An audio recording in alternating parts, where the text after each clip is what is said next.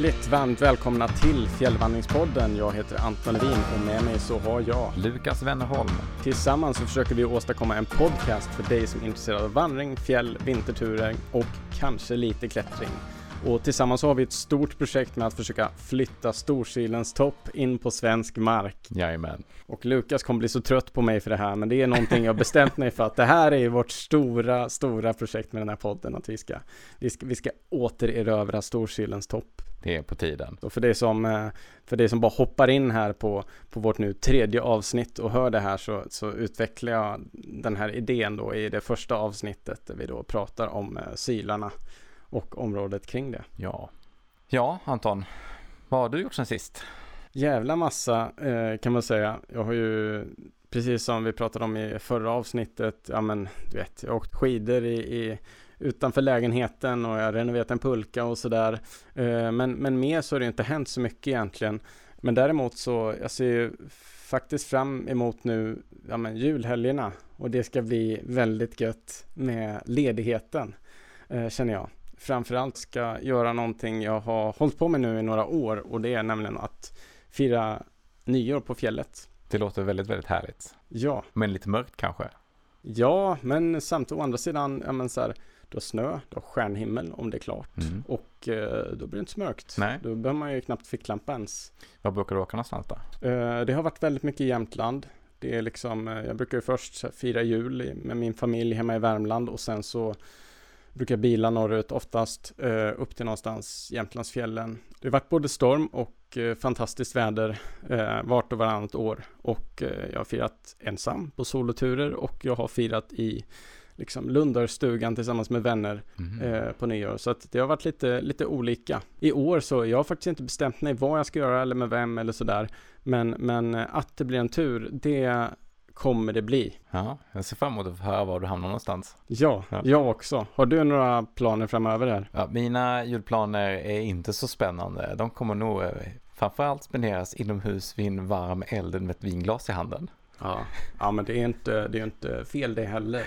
Nej, det kan vara trevligt. Men eh, det, jag vet att du, du, har ändå någon, eh, någon, eh, liksom, någon liten resa planerad. Ja, men min, min pappa fyllde nyligen 50 år här och vi har bestämt att vi ska fira honom genom att åka en tur till Alperna. Så eh, det blir, av- blir av till, till Chamonix för att åka lite, lite bräda. Ja, ja det, det låter inte jobbigt måste jag säga. Nej, det kommer bli fantastiskt härligt. Nice, och det, det är också, det är ju en av de bästa sakerna med att åka skidor i Alperna, det är ju att eh, liftpriserna i förhållande till Sverige är ju ganska bra, skulle jag säga. Ja, det kostar ju ungefär lika mycket, men mängden höjdmeter och dagarna man kan få ute är ju Du slipper stå i liftkö hela dagarna och varje åk blir liksom som fem åk här. Ja, ja, det är fantastiskt. De här, man kan åka skidor liksom upp till en timme ibland om man Ja. åkt och tar en lite mer så här sightseeing-tur nästan. Ja. Ja. det är fantastiskt. Men det, jag undrar varför det blir så, varför, eh, varför priserna har liksom rusat iväg här i Sverige så mycket. Kan det vara att jag vet inte, kanske att i och med att vi har så korta backar så det blir så dyrt att man måste bygga liftarna eller nej, jag vet inte. Monopoly, a nice, ruthless, money-hungry family game. Nej, det är väl också otroligt populärt. Så Ja, att det går. jo, Alltså, folk vill ju verkligen åka skidor liksom. Och det förstår jag. Det är Ja. väldigt roligt. Jag vet att det finns någon så här prisjämförelse i förhållande till konsumentprisindex på, på liftkort. Ja. Och Skistar är ju liksom prisledande eh, på det dåliga sättet när det kommer till, till att, att höja priserna. Och Det är ju bara att säga grattis till Skistar. Jo, precis. Det, det, det är det ju verkligen. Eh, jag tycker det, det är ändå positivt att det finns några fler aktörer här i Sverige, men de är ju verkligen dominerande. Och Mm. eh, ja, jag, jag vill ändå vädja till dem. Eh, pressa priserna lite, Ja. snälla. Sen måste man ju säga att de är ju väldigt bra Skistar. alltså det, det, det, fu- det funkar ju otroligt bra Ja. när man är där. Jag Ja. har ju varit på andra ställen där det ibland liftarna går inte och det är massa problem och sådär. Men ja, det är väl både bra och dåligt. Man får väl hoppas att de här eh, ja, barmarkssäsongssatsningarna som Skistar gör runt om i Sverige, att de på sikt kan smeta ut kostnaden Mm. över året lite mer. Eh, för det skulle ju på sikt kanske kunna påverka priserna på, på liftkort eh, över tid eh, positivt för de som nu vill använda det. Ja. Men det här avsnittet ska vi också introducera ett litet nytt moment i podden. Vi har tagit fram en topplista över lite saker vi vill berätta om. Vad har vi för tanke kring det där egentligen Lukas? Tanken är väl att vi genom lite olika poddavsnitt ska ta en liten eh, topplista på roliga grejer, eller? Ja, Mindre roliga grejer. Precis, och förhoppningsvis ja. lite relaterbara grejer som precis, ni känner precis. det här, det håller jag med om. Eller vad fan, vad fan säger ni egentligen? Det är jag ju en av dem ni pratar om. och har man lite tur så är det kanske till och med kopplat till temat i avsnittet. ja, precis. Och det här avsnittet så kommer vi då presentera en lista med topp fem misstag man bara gör en gång. Fem. Man glömmer sin spork hemma. Eller att man går ut och eh, sin spork går sönder. Helst innan man har kommit ut till fjälls på tåget eller något liknande. Ja, det är perfekt. Alltså jag är ju en evig sporkglömmare. Jag önskar att jag kunde säga att det är ett misstag jag bara gjort en gång. Men eh, eh jag, jag är nog säkert uppe i minst fem gånger. Eh, och det är liksom inte så här, ja de första åren jag vandrade så var det, nej utan det, det är ju det är liksom senast i år som jag glömde, glömde spork eller bestick liksom. Ja. Men jag har som tur är alltid, när jag haft med, när jag glömt spork så har jag alltid haft med en kniv. Och då, ett par gånger har jag tält med skedar att äta med. Mm, jag kan tänka mig att de är eh, kanske inte lika bra som en spork alltid. Nej, precis. De är fruktansvärt fula också. Ja. Ja, jag gjorde misstaget en gång att jag hängde min spork. Eh, jag gjorde en liten eh, tejphake på den och så hängde jag den på utsidan av min ryggsäck. Och så första dagen så kastade jag ryggsäcken på backen och så var sporken i två delar. jag, har, jag har också lyckats eh, bryta av spork, men ja. under användning faktiskt. Mm. Uh, ja, och det, det, det, det, är lite kul när man sitter där med alltså, två, två, två väldigt spända fingrar och håller i den där för att liksom skopa i sig. Mm fantastiskt. Men vi är alldeles rejält kladdig om händerna också säkert. Jo, precis. Ja, vad har vi på nästa plats då här? Fyra. På plats nummer fyra så glömmer vi myggmedlet hemma. Mm. Har det hänt någon gång? Uh, ja, uh, men som tur är inte på någon, någon så jättestor tur. Uh, jag har ju glömt det Eh, ja, till exempel i somras när jag åkte upp till Kebnekaise. Då var jag ju där en vecka ungefär. Men där är man ju ändå, där klarar man sig ändå ganska bra från myggen. Eh, ja, eller i alla kom, fall, ja inte under vandringen in kanske, men när man är där uppe på lite höjd ja, och det blåser jo, lite. Jo, precis. Precis, och det, ja, men just den dagen jag vandrade in så var det hyfsat myggfritt. Det blåste så pass mycket. Mm. Och även när jag vandrade ut. Så jag hade, jag hade flyt. Men de, de dagarna när jag var i Sarek i liksom åtta dagar för ett par år sedan och även när jag var i Vistas, då var det ju brutalt mycket mygg. Och då var jag fantastiskt glad att ha med myggmedlet, för att det gjorde ju åtminstone att, ja men, det var inte så att de hatade mitt ansikte på grund av eh, myggmedlet, men de, de höll sig ändå ja. lite mer, de flög bara framför, försökte attackera mina ögon och sådana där grejer. Ja, vi glömde myggmedlet en gång när vi skulle åka upp på en, en tur längs Kungsleden och eh, vi eh, kom på det här som tur var på vägen upp när vi satt på bussen och vi såg att ah, vi ska byta buss.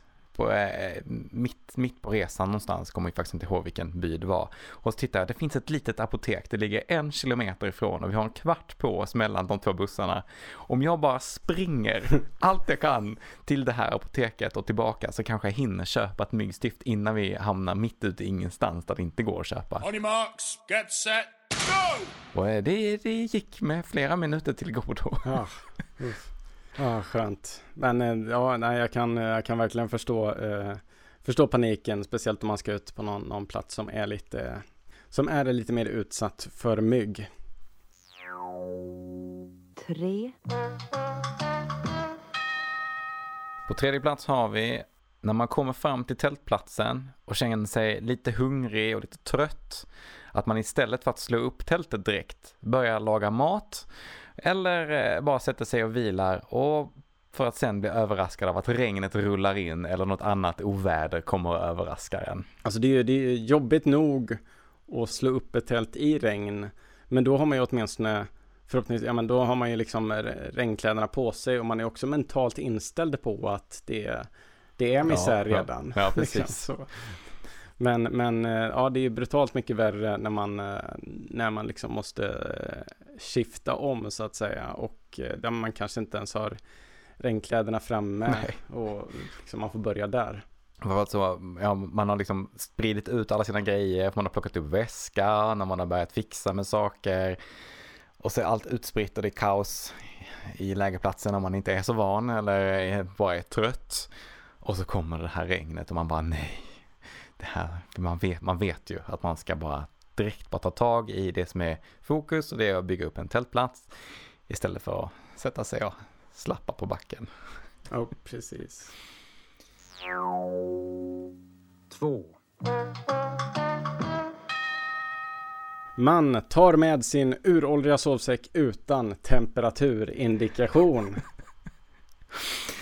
Ja, det här tror jag de flesta av oss har provat på någon gång faktiskt. Ja, precis. Och jag känner igen, alltså jag, jag, jag har en del kompisar som hör av sig med frågor eh, gällande vandring och eh, jag känner igen den här frågan också. Det är så här, det kommer den här sovsäcken duga och så ber de, ja men fota liksom ja men om det finns någon information på den och så kanske det inte finns någon information på och den. Och här, här föreställer jag mig den billiga sovsäcken inköpt på, på Stadium för 15 år sedan som man har använt till att sova i en skolidrottssal. Jo, precis. Eller, eller så kan det till och med vara så här ens förälders sovsäck ja. som den använde för liksom när den var på skolresa för 40 år sedan. och det, ja, jag har ju, det, ofta, ofta är det, det är ofta, ja men eh, vad heter det, fibersovsäckar eller vad heter det? Ja, syntet. Ja, precis. Någon, det, är, det är ofta syntetsäckar, men det kan också vara, det kan också vara dun. Men ja, det är ju ett eh, problem när man inte vet vad den har för temperatur, eh, eh, komfort rating. Det kanske inte är något fel på sovsäcken egentligen, men man blir kall. Jo, precis. Fryser arslet av sig ute på, ute på fjället.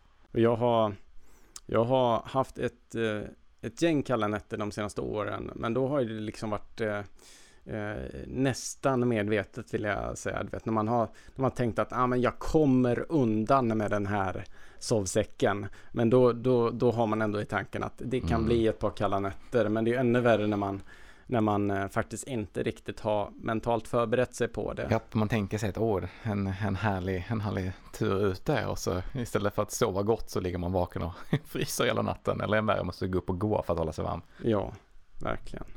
Och på första plats, den sista punkten på listan. Att inte tejpa fötterna med en gång när man känner att det börjar bli, börjar bli ett litet, litet skav. Utan man, man fortsätter vandra och tänker, ah, det här är inte så farligt, jag kan gå några kilometer till. Och jag känner ju, alltså på sätt och vis extremt mycket igen mig med den här punkten. Å andra sidan, jag är ju en icke-tejpare. Jag tejpar aldrig mina fötter och jag hävdar ju också att jag aldrig får några problem med mina fötter. Det får jag, men det tar generellt sett väldigt lång tid innan jag får det. Och eh, i och med att jag får det ganska sällan så blir det också att det här förebyggande arbetet, eh, det, liksom, det, det, det skjuter jag ofta på. Eh, och eh, ja, men då kan ju jag få eh, rejält skav till slut. Men, men som tur är, eh, jag tycker Compede funkar ganska bra. Men det kan ju också eh, inte funka bra och bli förbannat otrevligt. Mm. Jag tejpar alltid eh, innan jag går ut och vandrar. Jag har provat det här flera gånger. Det är ett misstag man har gjort mer än en gång. men eh, gått ut och gått, känt att ja, man kanske skulle tejpat. Nej, men det behövs nog inte. Ja, nu är mina fötter vana vid det här. De behöver inte tejpas. Och direkt så får man skavsår. Så att jag, jag är en eh, stark förespråkare av att på förhand åtminstone tejpa hälen med, med någon form av sporttejp. Compede ser jag som en så här när det är för sent. Ja, då, då, då, går man på kompiden. Men sporttejpen kan ja. man använda för att förhindra sina skavsår. Mm. Ja, jag siktar alltid på, jag löser det när det är ett problem.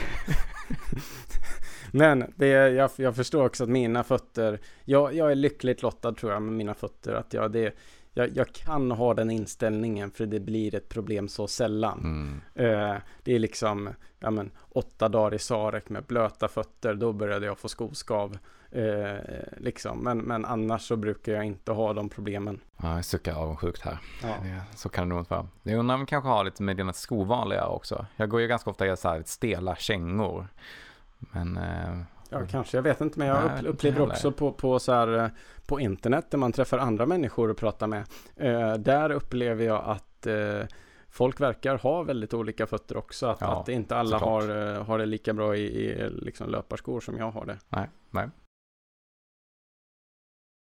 Det här var ju topp fem misstag man bara gör en gång när man är ute och vandrar. Men eh, vi ska ju liksom ta dig med på ett katastrofavsnitt idag med, med liksom lite olika misstag som Mm. vi har gjort. Eh, och ni har ju redan hört några av dem. Men vi ska ta er med på ett par turer där vi har, har eh, liksom gjort bort oss på ett eller annat sätt. Gick eller... inte riktigt som vi hade tänkt kanske. Nej, Ja. precis. Hur mycket man än planerar så finns det ju mycket som kan ta oväntade vändningar eh, i ens tur och eh, framförallt på vintern skulle jag säga. Alltså på sommaren så det krävs desto mindre tur för att det ska bli en bra tur. Det håller jag absolut med om. På vintern krävs det desto mindre för att det ska bli en dålig tur. Du har liksom, det kan bli blött, det kan bli kallt, det kan börja blåsa, du kan få dålig sikt. Och även om du har gjort rätt förberedelser så kan det, så kan det liksom gå åt skogen. Men när jag skulle till Jämtland för ett gäng år sedan så hade jag inte gjort rätt förberedelser. Eh, alla vädrets makter var emot mig. eh, Eh, Vad hade du, vad hade du inte förberett? Eh, ja men jag, så här, eh, jag tog nattåget upp till eh, Enafors. Eh, som ligger, ja men det är, många här kanske har varit vid eh, Storulvåns fjällstation. Och eh, när, man ska, när man ska till Storulvån så svänger man av på vägen precis där Enafors ligger. Så det är liksom en, en, en tågstation där. Och det är också Sveriges högst belägna tågstation i höjd. No shit, Einstein. Mhm. Eh, och den ligger liksom eh, precis innan man rullar över på den norska sidan eh, från Jämtland. Därifrån så finns det faktiskt en led upp på fjället som går liksom mellan bergen där som ligger vid Storulvån. Så mellan Storsnasen och Lillsnasen som topparna så sött heter. Jaha, går en vinterled där alltså? Ja, och sommarled. Okej, ja. Man börjar med att kliva av tåget och sen så går man ner till stora vägen, korsar den och sen så, så kliver man ut i ett spår. Och det, det var faktiskt lite upptrampat. Och eh, på den här tiden, jag hade inte börjat åka skidor än. eh, Och inte tänkt att jag skulle lära mig åka skidor någonsin för att det, det ja men när man blir vuxen, det är jobbigt att lära sig nya saker. Eh, Så jag tänkte att, nej men jag hade fått tag på ett par snöskor. Eh, Och det, det är inte samma snöskor som jag använder idag. De var betydligt sämre än de jag har idag. De jag har idag väger inte så mycket. Och det är någonting jag rekommenderar. Att ska ni köpa snöskor, köp ett par bra snöskor från början. Så kan ni ta er någonstans. De snöskorna jag hade, de var väldigt billiga, ganska dåliga och eh, tunga att gå med. Jag, jag är lite rostig på, på snöskor. Det, det är alltså som en stor platta man spänner på på, Ja, på under precis. sina vanliga skor. precis. Ja. Den som har sett eh, Kalle Anka eh, tänker ett tennisrack. som, de, jag vet inte om du har sett snöskor i Kalle Anka, men Jo, där jo, hade det de, det jag. precis, där var det liksom tennisrack man satte för fötterna. men eh, eh, snöskor liksom, eh, förr i tiden så satte man ju, det var liksom någon mjuk typ av trä som man gjorde en ring utav och så satte man renskinn eller något sånt där och liksom eh, och satte ett fäste för skorna. Men idag så använder man ju oftast eh, någon blandning av metall och plast eller aluminium och, och plast för att, att göra. Det tror jag man ganska ofta kan se på, på, på fjällstationerna. Ja, Det kan hänga så här gamla klassiska snöskor på, på väggarna ibland sådär. jo, precis. Kommer man, kommer man ner i Alperna så, och även i USA så är snöskor eh, ganska populärt. Det finns till och med lopp eh, med snöskor. Mhm. Eh, men här i Sverige så har det ju liksom inte riktigt fått fäste utan här är ju längdskidor på fjället som liksom varit grejen. Men jag bestämde mig i alla fall för snöskor. Jag hade en eh, stor, stor ryggsäck, eh, mycket packning eh, och ett, ett helt nytt tält som jag var jättenöjd med att jag hade köpt. Jag kommer inte ihåg vad det heter, men det är liksom ett så här, det är två personers tält, men som har liksom, det är typ 1,30 eller 1,40 takhöjd, så det, det är nästan så att vissa kan stå där inne. Ja, det är ganska högt. Ja, precis. Så det, är- det är så här, det kändes som att ha med sig ett litet vardagsrum. Åh, skönt. Ja, det var ett superlyxigt. Så jag, var ju, jag hade ju prov, prov satt upp tältet och det hade Extreme i namnet. Så det lät ju Mm. som att det skulle klara liksom vilket väder som helst. Så ja, eh, det är liksom eh, det är fem minus kanske. Jag traskar iväg där på den här leden. Det går ganska bra. Jag märker att det, det är tufft att vandra med snöskor. Det är liksom inte de här två milen per dag som jag var vid vid den tiden utan fram tills eh, eftermiddagen när det börjar mörkna och det här är ju då i februari så börjar jag ta mig upp på fjället så sakteliga konstaterar att liksom, ja men det, jag kommer inte ta mig så jättemycket längre idag. Jag tänker att jag smäller upp tältet här. Och det jag gör då, det är att jag sätter upp tältet i dalen mellan, nu ska vi se, jo men det är precis mellan Storsnasen och Lillsnasen. Och eh, i närheten av ett vattenfall som heter Silverfallet. Ja, ja, ja. Mm. Och jag fick, eh, fick dock aldrig se det här silverfallet i och med att det var liksom, du vet, översnöat och, och stelfruset och så. Ja. Precis. Eh, Men jag hörde faktiskt fallet. På vägen passerade någon stuga också. Och eh, ja, men jag slår upp tältet, liksom lyxar in mig där. Sen så, så tände jag en sån här, jag hade en liten sån här vandringslampa med mig. Eh, Mm. Som man, en sån här tältlampa. Så jag- så jag sätter in den i tältet och så går jag ut ur tältet och sätter upp mitt eh, stativ för kameran Mm. och så fotar jag fältet där med, liksom, med lite lång slutartid och får en så här, vet, riktigt, riktigt fin bild med tältet som är lite upplyst och stjärnhimmel och sådär. Och snölandskap. Ja, Ja. precis. Oh, wow. Ja. Eh, Det men låter jag som en bra start på en tur det Ja, här. precis. Ja, men det, det, allting kändes ju ändå, bortsett från att jag märkte att det var jobbigare än, liksom, än att gå Mm. på barmark, så var det ju, hade jag det ganska bra. Eh, och runt klockan nio på kvällen så, så går jag och lägger mig. Klockan två på natten så vaknar jag med lite panik. Tältduken trycker mot mitt ansikte. Eh, jag funderar, är jag begravd under snön? Vad fan händer? Eh, det är kallt. Eh, och jag, liksom, jag försöker trycka bort tältduken, men den bara kommer tillbaka. Eh, vinden har ju liksom tagit mitt tält och inverterat det. Vänt det ut och in.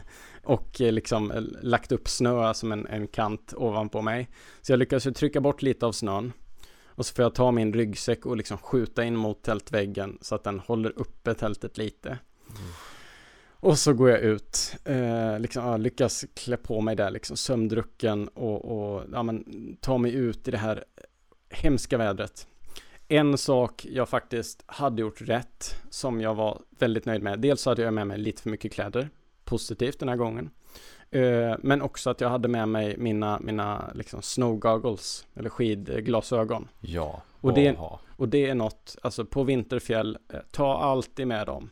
Eh, jag har alltid med dem för att blir det oväder och man vill slippa liksom förfrysa näsa och sådär. Plus kunna se någonting även i motvind så man måste ha snow goggles för att annars det är liksom har man glasögon så kommer det liksom blåsa in snö bakom och det man kommer bli jävligt kall. Mm. Och det är ju rejäla stormvindar. Eh, upp mot 30 sekundmeter i den här dalen. Det är liksom så att jag får spräna emot ordentligt för att kunna, för att kunna stå upp. Eh, jag försöker liksom dra en av tältpinnarna för att se om jag kan liksom hjälpa tältet tillbaks till ursprungspositionen. det, jag, jag lyckas bryta av en tältpinne. Det bara, ja, Ah, nej. skitliv. Men ha, hade, du, hade du grävt någon form av så här vall? Nej, nej, nej, nej. Nej, nej, inget nej, sånt. Nej, nej, nej, nej, nej. Jag hade inte grävt ner fältet överhuvudtaget. Jag hade satt upp det jättesnyggt. Mm. Eh, mitt i en dal. Perfekt vindtunnel eh, för tältet. Jag hade med mig, jag hade med mig snowstakes, alltså sådana här snöpinnar. Ja. En meter, liksom riktigt rejäla snowstakes. Oj, det var stort. ja, Ja. precis. Så, så de satt ju, men det hjälper liksom inte. Eh, för att vinden kommer bara pluff, platta till tältet och så är, det, så är det slut med det. Och det här var ju ett kupoltält. Alltså Mm. ett tunneltält, rätt uppställt, hade kunnat hantera det här även utan ett bra tunneltält. ett bra tunneltält. Hade det varit rätt placerat så finns det en chans att man fixar det här. Men eh, ett eh, kupoltält, de hanterar inte vind bra från något håll, utan de blir liksom, ja, de blir, de blir som liksom lera i en, i en, eh, i en drejmaskin. Där vinden är händerna som drejar tältet. Oh oh, Ja. det låter inte alls som var. Nej, precis. Eh, så att, så att ja, jag lyckas bryta av den där tältpinnen och bara ah, eh, och konstatera att bara okej, men jag har ju ett vindskydd. Jag har ju liksom en tältduk. Mm. Eh, jag har mina grejer här.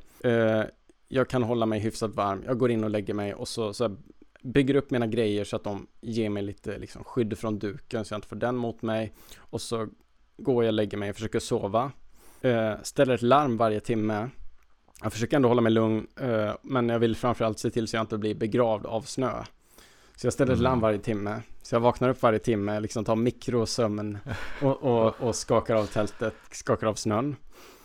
Men, men går du ut ur tältet också en gång i timmen? Nej, jag bara jag trycker upp Ah, liksom okej, duken okej, ja. så att snön försvinner.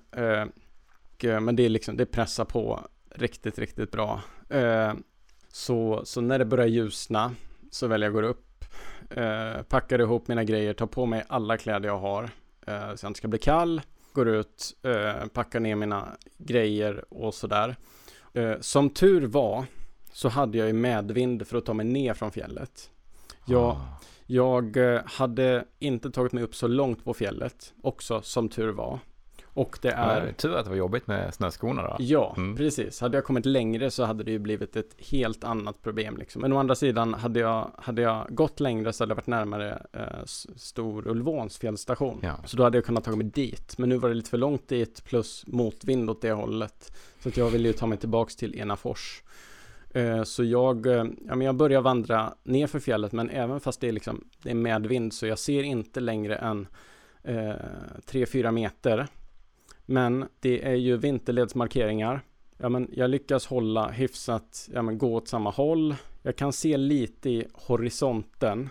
Eh, liksom, Och, och, och vinterledsmarkeringen är alltså de här, de här röda kryssen på Ja. stolpar. ja, precis. De står, vad är de står med? 50 meters mellanrum va? Ja, så kanske det. Ja, jag har för mig det. Nej men så att jag, jag liksom, jag går, du vet, hundra steg och så lyckas jag liksom se någonting som skimrar eh, liksom i, i, i, i snön så här och så, så siktar jag där och så ser jag ett till kryss och så Mm. får jag göra så där ett kryss i taget tills jag märker att det börjar gå ner för och liksom, ja men så fort jag har tagit mig ner liksom 50 meter så får man ju liksom i alla fall lite lä från den här vindtunneln och då börjar det liksom öppna sig lite. Och jag känner också att ja, men, temperaturen stiger, det blir varmare. Eh, och, och man känner att den direkta faran, den är, liksom, den är borta. Ja. Och det var, ja, det, var, det var en fantastisk relief. Men man var ju ändå, man hade ju, jag har sovit dåligt hela natten. Jag var inte hög på energi. Och när jag liksom tagit mig ner eh, till liksom där, där, eh, där det blir lite platt igen. Eh, så, så uppdagas nästa problem. Eh, vägen jag vandrat in dagen på, alltså nedanför fjället, så är det ju liksom några plusgrader. Vägen jag vandrade in dagen innan, det var ju allt fruset och fint. Nu har det Ah. bildats små fjällsjöar, nya bäckar. Alltså det, det är otroligt mycket vatten.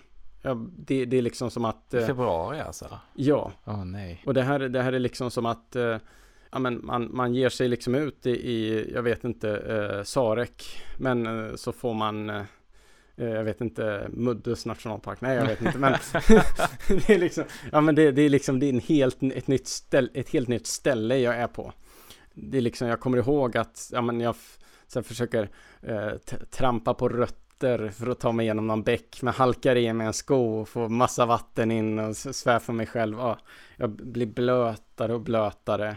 Det är inte lika roligt att vada genom en bäcka på vintern som det är på sommaren. Nej, det är liksom ren slask. Och det, är- ja, det går inte att hålla sig torr. Och det, det här är också en, st, liksom en stig eller led där eh, alltså det finns en del ställen där det finns spångar. Mm. Eh, Men de är ju inte många. Så att de flesta, de flesta liksom våtmarkerna där, där blir man blöt. Mm. Eh, och, och jag känner att liksom, ja, de här fem kilometrarna, de tar ju för alltid. Och det är ju ännu jobbigare den här dagen att gå med snöskorna. För att snön är ju tung nu också.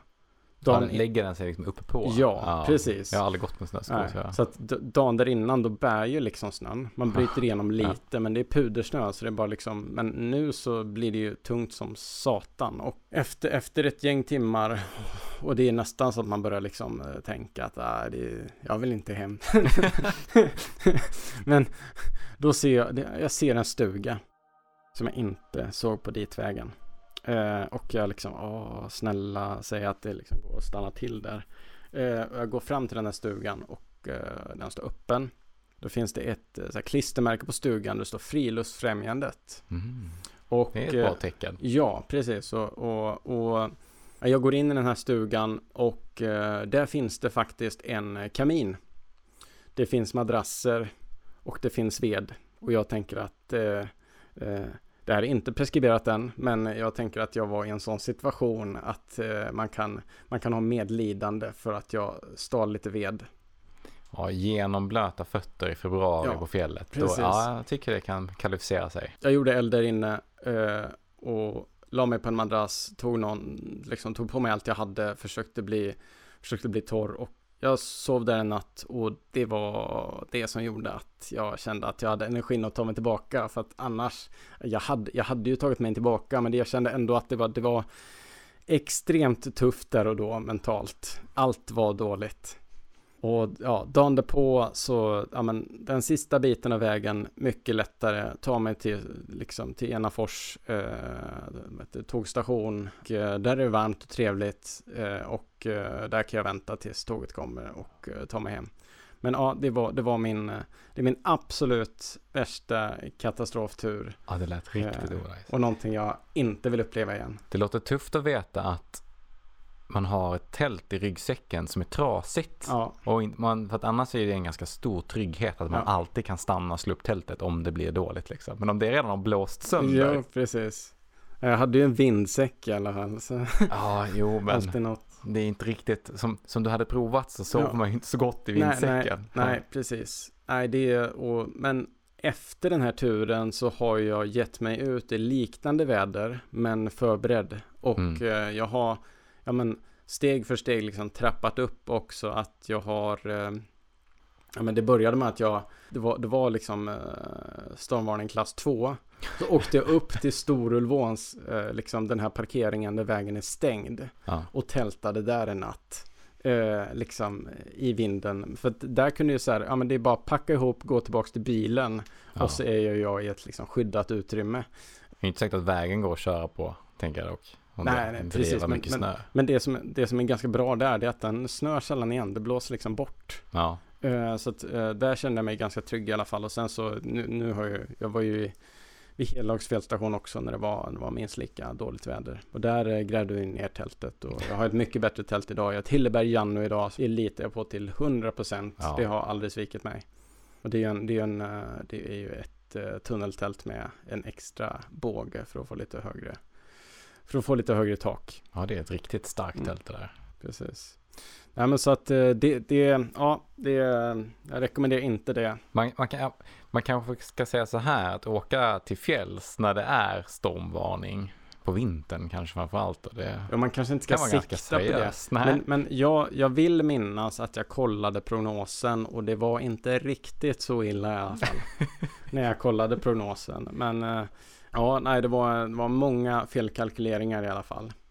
Eh, jag längtar inte tillbaks dit. Å andra sidan så har det också gett mig en bra historia som jag har. Eh, Ja, men det är ändå någonting man kan dela med andra som är lite roligt. Så. Nej, det är en extra krydda det här med att det är blött och blir blött om fötterna Ja, på vintern. Oh, precis. ja, det, är- det har jag aldrig varit med om, inte på det sättet Nej. det låter riktigt otrevligt. Ja, nej, det, det så, så hell, hellre rejält kallt, eh, för då kan man röra sig Ja. varm. Men blöt, då liksom, ja, du kan ju springa på om du vill, men det, är- du är fortfarande blöt. Ja, det, det är sannoliken svårt att ta sig ur det blöta.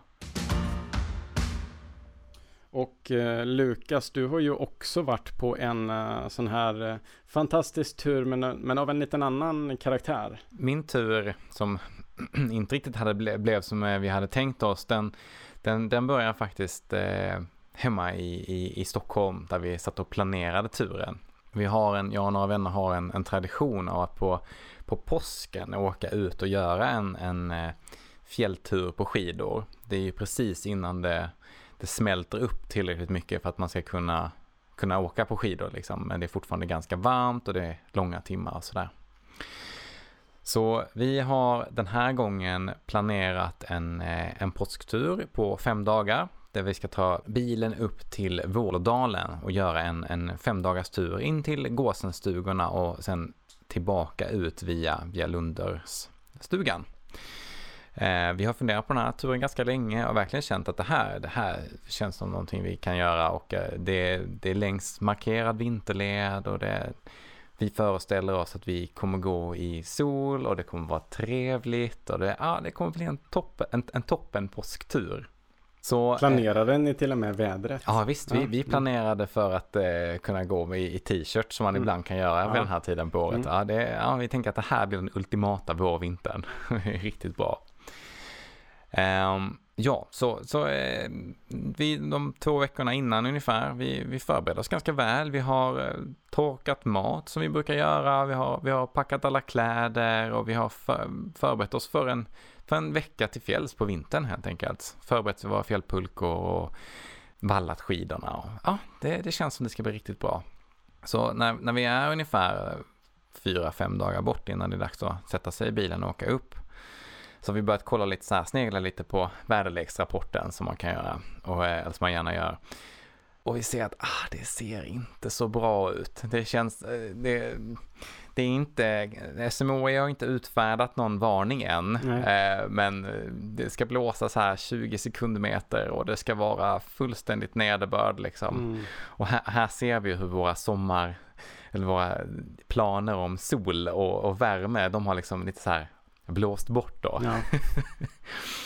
men vi, vi, håller hoppet uppe. Vi, eh, vi fortsätter att titta på väderleksrapporten men vi planerar, vi ska åka upp liksom. Vi har, vi har varit ute i dåligt väder förut, även på vintern. Så att vi tänker att ja, men en eller två dagar som är lite så här, lite småkallt, det gör inte så mycket liksom. Vi kan, vi kan ta oss igenom det.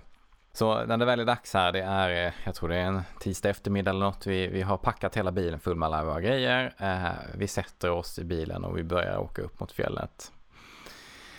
Och så tittar vi på väderleksrapporten igen. Ah, nu har ju då SMHI utfärdat en sån här varning för storm och man ska inte ge sig ut på fjället och det ser riktigt dåligt ut. Så vi åker, vi är på väg ut ur Stockholm och så kommer vi ungefär till Rosersberg. Vi har mm. kollat alla olika väderlekssidor vi kan hitta för att se om det är någon av dem som visar att det kan bli bättre. Men, men snarare ser det ut som att vädret... Får man fel svar, fråga nästa. ja, exakt. Det finns alltid en väderlekssida som har lite bättre väder ja, som man kan titta precis. på för att känna sig vid gott mod. Men det så, istället för att det ser ut som att ja, det är en dag med dåligt väder så är det istället, eh, det blir liksom eh, försämras. Liksom. Mm. Desto, desto längre in i turen vi kommer, desto sämre ser det ut att bli. Så istället för jag som Anton här då, och vi åker, mm. så, så vänder vi i Rosersberg. Ja, ja. Eh, vi har alltså suttit i bilen i 30 minuter. Och jag kan säga att stämningen var ju inte på topp här. Vi var fyra personer i bilen, vi har planerat länge för naturen och så bara, ah, nu måste vi vända. Ja, men vi, vi gör det. Fanns det någon liksom Rambo i bilen? Som ville ge sig ut? Det var nog jag. Ja. jag vill verkligen inte vända. Jag, jag, jag, tänker så här, vi kan, vi kan ta en annan väg. Vi behöver mm. kanske inte gå upp på kalfjället. Vi ja. kanske kan röra oss ner i dalen, i, sko- mm. i där det är lite så här fjällbjörkar och sådär. Och vi är lite i lä liksom. Men det ser verkligen ingen bra ut. Och mina kompisar, de var inte heller så sugna på det här. De var inte sugna på att gå ut och lida i fem dagar. Så att eh, det blir helt enkelt, eh, omröstningen i bilen blir att eh, vi vänder. Vi, vi skiter i det här. Ja, först är det bara så här ganska tyst, ganska tråkigt. Vi bara nej, fan ska vi göra nu? Och så kommer någon med förslaget, så det var vår chaufför som har fokuserat på att åka bil, säger att vi kanske bara ska gå ut och vandra här. Vi, vi lämnar skidorna hemma och så går vi ut och, och tar, gör en, några dagars vandring i, i Stockholmsområdet. Ja, det är kanske en bra idé, tänker vi. Ja, vi tittar på väderleksrapporten och för Stockholm. Mm. Ja, där ser det ju ut att bli sol. Inte varmt, det är ju ändå eh, ganska tidigt, men det ser ut att bli riktigt bra väder. Mm. Så vi tänker, ja men det gör vi. Vi, vi, vi, tar, vi, tar, vi går ut och går längs Roslagsleden som är en, eh, som är en eh, led som finns här ganska nära eh, Stockholmsområdet. Precis, den börjar väl i Täby va? Den börjar i Täby och så, nej, Åkersberga tror jag den börjar i. Jag har börjat i Täby. Du har börjat i Täby? Ja. ja, då har jag fel. Ja. Då börjar den säkert i Täby. Och så går den väl upp till Grisslehamn va? Ja, det kan stämma. Mm, via Norrtälje. Ja, det här tänker vi, det är en toppen idé. Så vi åker hem, vi tar alla vintergrejer, alla skidor, alla pulkor, alla pjäxor och grejer. Vi bara kastar in det i lägenheterna. Nej, det här, det här behöver vi inte längre. Ut med allt som är vinter. Är, nu, ska det, nu är det varmt och härligt och det är sol och det är södra Sverige. Och vi tänker, nej men här, nu behöver vi inte så mycket. Så jag slänger ut min dunsålsäck, jag slänger ut min varma dunjacka och allting liksom lämnas hemma. För nu tar jag bara med mig skaljackan och en fleece typ och tänker det här blir toppen. Turen vi har planerat för då, som vi, vi ska göra istället, är att vi ska börja i Lövhagen. Eh, det ligger, jag tror det ligger mm, ganska nära Åkersberga. Mm. Um, och ska vi vandra därifrån via um, det som heter Domarudden upp till Vira bruk och sen vidare mot Norrtälje. Um, De, där, den sista sto- stoppet där det heter Vigelsjö. Mm. Så det tänker vi, det här blir, det här blir en toppentur liksom. Några dagar utomhus, vi får vandra lite. Vi behöver inte lägga alla våra, våra planer på att vara ute i, i, i packsäck, utan vi kan, vi kan göra en tur trots allt. Så att vi gör det. Vi, vi, tar, eh, vi tar bussen ut, jag är ganska säker på att vi gör, och eh, börjar vandra och det är verkligen toppen. Liksom. Mm. Vi, jag kan varmt rekommendera alla som bor här i närheten och som kanske inte redan har varit ute och vandrat. Det är ju trots allt ganska populärt att gå längs Mm. Roslagsleden. Att göra det, för att det är en, en superfin tur, även ganska tidigt på säsongen. Så vi, eh, vi knatar på i gott mod, har sällskapet, och god mat på kvällarna och eh, njuter av fint väder. Men när vi, när vi har passerat eh, Vira bruk den andra dagen, då vänder vädret lite grann. Det går från att vara ganska varmt och ganska soligt till att bli mm, ganska kallt. Det, vi, vi hamnar ner under nollan. Och när vi ska slå upp läger för, för kvällen så eh, då, då, är det, då är det frostigt liksom. Så här, då har Mm. vattenpölarna i, i, längs stigarna vet, de har frusit Mm. så här. Och man är lite, lite kallare än man hade tänkt sig kanske. Och jag då som hade tagit alla mina vinterkläder och tänkt nu, nu är det varmt och skönt. De har Ja. jag slängt Ja. ut liksom. Så att eh, jag har bara med mig typ en flis och en skalregnjacka liksom. Det Och det är, alltid, det är alltid jobbigt på morgonen där när man, man har så låg kroppstemperatur och så ska man Ah. liksom, Jag brukar, jag har gjort det ett gäng gånger ja, men i så här låglandsvandringar. Det har jag fått springa idioten på morgonen för att liksom få upp kroppstemperaturen innan jag äter frukost. För jag kan liksom inte, jag kan inte sitta still för då kommer jag liksom frysa ihjäl. Ja, Nej, men- nej, jag, jag håller verkligen med. Jag har samma problem. Jag är helt iskall på Mm. morgonen när jag vaknar. Ja, men, men när vi går och lägger oss den här kvällen, då, då är det nog, jag tror det är kanske fem minusgrader. Vi sitter i eh, mina kompisars eh, tunneltält och vi sitter och spelar lite kort. Och så här, kondensen från, från eh, vår andning, den har liksom frusit till en så här pansar på Ja, insidan av tunneltältet. Och det händer ju för jämnan när man är Ja. på fjället på vintern. Liksom. Det är inga konstigheter. Men det är inte riktigt något man förväntar sig när man är ute och, och, och vandrar här. Framförallt liksom typ i april. Liksom. Ja. Nej, det är ganska sent för att det ska vara så kallt. Och här kan vi ju då koppla tillbaka lite till den här listan vi hade. Mm, Jag hade ju då kastat ut min dunsovsäck och packat ner min icke uppmärkta gamla syntetsäck för att den tog lite mindre plats. Lite mindre plats. Och jag Mm. tänker så här, jag behöver inte dunsovsäck. Jag behöver inte en vinterdunsovsäck här. För det här var innan jag hade köpt mig en så här bra tresäsongssäck. Jag hade Ja. bara, jag hade typ min vintersäck. Liksom. Ja. ja, sen kryper ner i den här och, och det är banne mig en av de kallaste nätterna jag har haft utomhus någonsin. Jag frös så mycket i den här syntetsäcken. Man kan förvånas över hur man kan vara ute i fjälls och det är superkallt och man har en bra dunsovsäck och det är Mm. jättevarmt och skönt. Mm. Men så går man ut här i en eh, tunn syntetsäck och det är bara några Ja. minusgrader och aj, jag sov inte Ja. många timmar den natten. Sen kan det ju också, luftfuktigheten kan ju också eh, smitta mycket. Säkert. Det är, ju, det är ju ett problem, ett mindre problem när det blir eh, desto kallare. mm. Det är ju det är väldigt svårt att förbereda sig för hög luftfuktighet.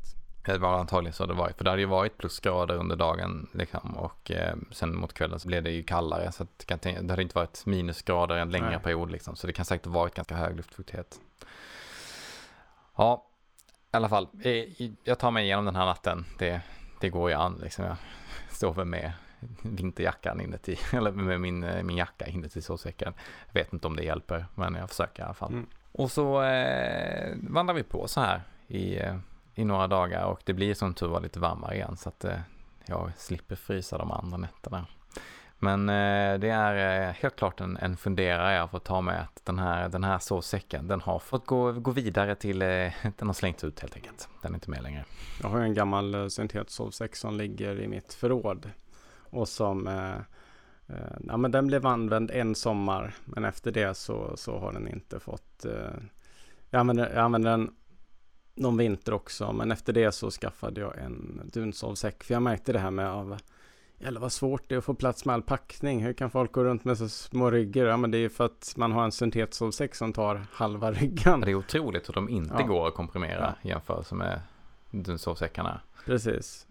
Så det, är- ja, och viktmässigt också så gör det en så otrolig skillnad. Så att det, och, och då hade jag ändå köpt en, en uh, hyfsat dyr uh, liksom syntetsovsäck. Jag tänkte, nej men den måste vara något seriöst ändå liksom. Mm. Så. Och så, ja men det är bra, det står att den ska hantera fukt bättre. Så här. Men jag, jag har ju, jag har personligen aldrig lyckats eh, blöta ner min, min Dunsov 6 så att det har varit ett problem. Visst, jag har fått Ja. kondens på den men aldrig liksom så att... Eh, Jag, jag lider ju lite av eh, skräck för att min Dunsov 6 ska bli blöt. Ja. Eh, Jag är, jag är ganska hyfsat lång så att, så att när jag ligger i tält så ligger jag nästan alltid med fötterna mot duken. Och eh, det har en tendens att blöta ner eh, botten på Dunsov-säcken ganska mycket. Eh, mitt, mitt lifehack där det är att sätta på min, min regnjacka på överfötterna Ja. på sovsäcken. Det brukar jag göra. det, det låter smart. Eh, Så det brukar jag göra för säkerhets skull. För det, även om jag inte är så lång som du så kan jag kvala ner. Mm. Så att jag liksom kommer åt det där. Och då kan man ju få lite kondens så. Men jag, har- jag, har, nog en tendens alltid Mm. rulla iväg från den här. det ligger jättebra där när man somnar Ja. och så vaknar man ändå med fötterna mot duken. Men ja, som sagt, det, det funkar bättre än man kan tro liksom. Ja. Ja, eh, vad, vad kan vi ta med oss? Det Ja, kolla, kolla väderleksprognosen. Rekommenderar ju inte att vintertälta med kupoltält. Men det finns absolut kupoltält. Till exempel Hilleberg, eh, liksom eh, Black Label kupoltält. Eh, är ju gjorda för att klara vinterfjäll liksom. Men man bör ändå gräva ner dem för att ett kupoltält får ju ett helt annat vindfång än vad ett eh, tunneltält får. Och ett, ja, men man bör även gräva ner tunneltält för att det kommer bli så mycket trevligare ja, när man ska ut. Man får så mycket mindre eh, liksom vinddrag in i tältet och, och så. och så låter det ganska mycket mindre. Man Ja. sover bättre om det inte Ja. står och slår liksom hela natten. Även, Ja. om, även om tälten tål det. Ja, definitivt. Och sen brukar också kupoltält bli lite tyngre. Så att, ja men kupoltält är ju jättetrevligt för att du får en sån, ja men livability. Du får lite högre takhöjd Mm, oftast. skönt. du får lite mer yta. Eh, liksom så. Så att det blir ju som ett stort vardagsrum. Men det finns eh, klara nackdelar. Så att, ja men för sommarfjäll, absolut. Och framförallt, ja men det är ju extremt liksom fint med de här kupoltälten där man kan öppna nästan hela sidan. Typ Ja. som Hilleberg Solo. Eh, Ja, där man liksom bara kan, det ser ut som ett litet vardagsrum där man kan titta in. Eh, det, det, så det, det, finns, det finns ju verkligen, verkligen plus med kupoltält men de har inte riktigt den platsen på, på vinterfjället. Och ger man sig upp i högfjällsterräng på sommaren så kan man också kan det också ställa till sina problem. Eh, Mm. Kan det göra för att de är ju stora vindfång liksom. Så Mm. att man ska ändå ha det i åtanke när man är ute och shoppar efter tält. Mm. Ja men annars så jag, jag känner ju att eh, ska man ha snöskor eh, så ska man tänka sig att ja, man, man kan inte göra samma dagsetapper som man kan göra på till fots eller med skidor. Det kommer ta mycket, mycket längre tid.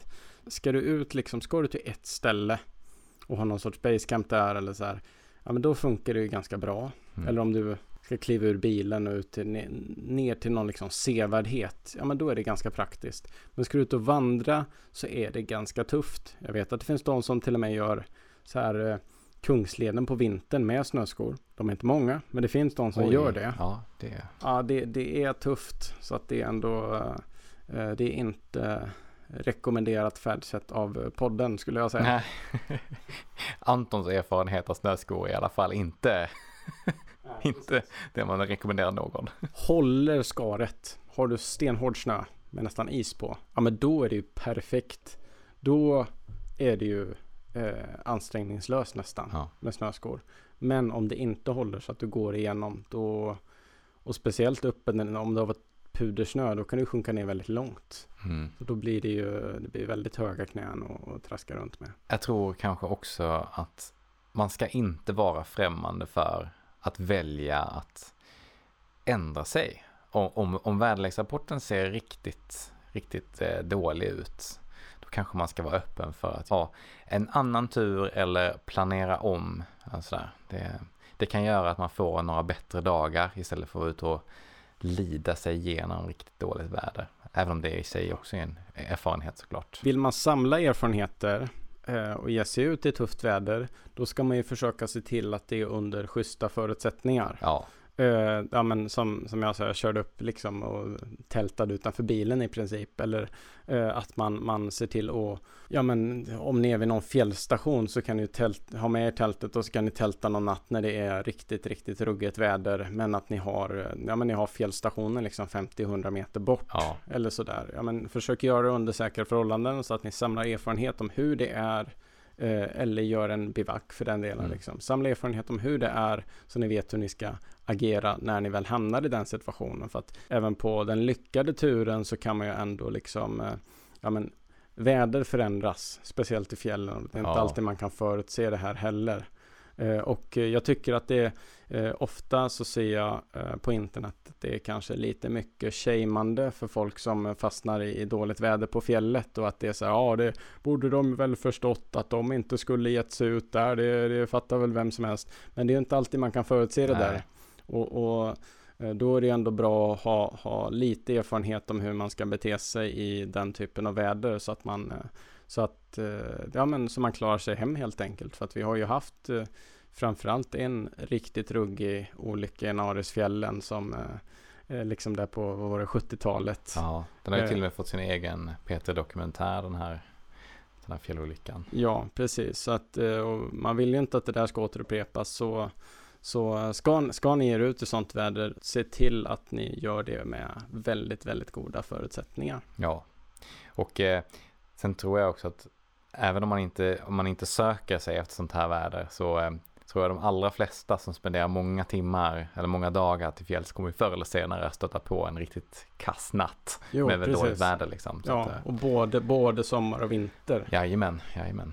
Eh, Det var, det var många platta tält i somras vid eh, Kebnekaise fjällstation kan jag säga. Ja. Och det var till och med de som hade satt sina tunneltält i mot vindens riktning. Och då Ja, på hjälp, tvären. ja, liksom. och då Ja. hjälper det inte att ha ett tunneltält. Eh, för att då blir ju tunneltältet ännu sämre än ett kupoltält på att ta vinden. För Det blir det som en vägg som bara Ja, fångar vid, som ett Precis, segel. precis. Ja. och det var ju totalt sönderslitet och jag, jag såg den här killen liksom packa ihop sina grejer när det hade slutat blåsa och det var ja, så, så, så trist. Mm, eh, och det är ett misstag man bara gör en gång men det blir så väldigt dyrt misstag så att eh, har man tunneltält tänk på hur kommer vinden gå här i Ja. den här Ja, som det är där, dalen, där Mm. vinden bara blåser åt två håll. Det är liksom, det, det, är, det, det, det är en sak om det är på ett öppet fält. Då är det ju svårt, kanske svårt att förutse hur det kommer blåsa. Men i fjällen så finns det ofta dalar som eh, skvallrar lite om hur, det, hur vinden kan gå. Ja, ja, jag tycker ganska ofta så håller den sig ganska konstant Ja. i en riktning. Precis.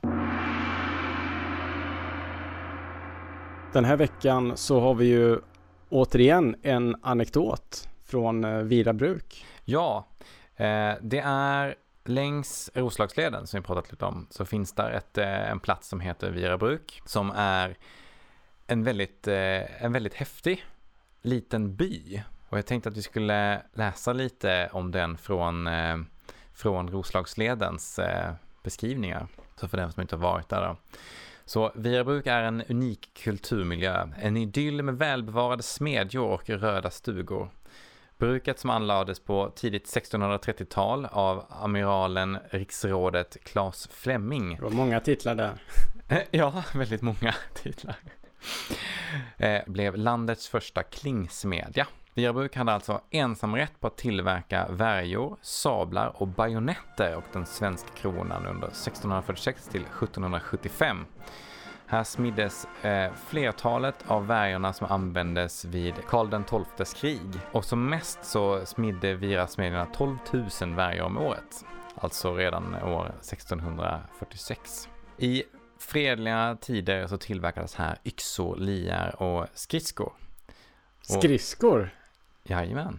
Ja, ja. Och det, och det, som är så, det som är så coolt med den här platsen är ju att de här smedjorna finns ju kvar. Eh, så när man vandrar förbi där längs leden så kan man gå in och titta på dem. Och eh, då ser man hur man har dragit in vatten eh, för att driva de stora smideshammarna och även eh, för att driva själva ugnarna. Coolt för den som gillar teknik, gammal Nice. teknik. Ja, det är alltid liksom, ja men det är alltid fascinerande. Och med det så börjar denna veckas avsnitt rulla mot sitt slut. Och eh, jag hoppas att våra lyssnare får en fantastisk jul och nyårshelg här framöver. Får lite skön ledighet och, och kanske får njuta lite av snö eller ja, i värsta fall så kanske ni får njuta av eh, barmark. Det är som alltid fantastiskt roligt att spela in ett avsnitt, eller vad säger du Lukas? Det är alltid väldigt roligt. Så glöm inte att prenumerera på oss i ditt flöde. Vi som gör den här podden heter Anton Levin och Lukas Wennerholm. och om du uppskattar det vi gör, sprid gärna ordet så vi kan fortsätta prata om vandring från våra vardagsrum. Vill du komma i kontakt med oss så hittar du oss på Instagram. Glöm inte att redan nu planera din nästa tältnatt. Jag heter Anton Levin på Instagram. Du heter? Lukas Wennerholm på Instagram. Tack för den här gången. Vi ses om två veckor.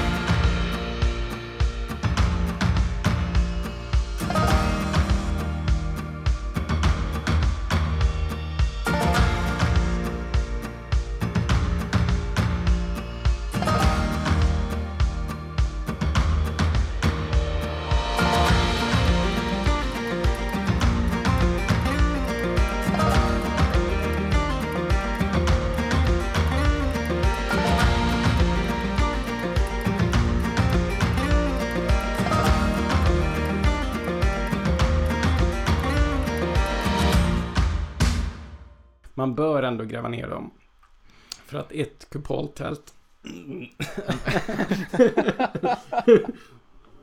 Jag ska inte försöka forcera en mening när halsen bara...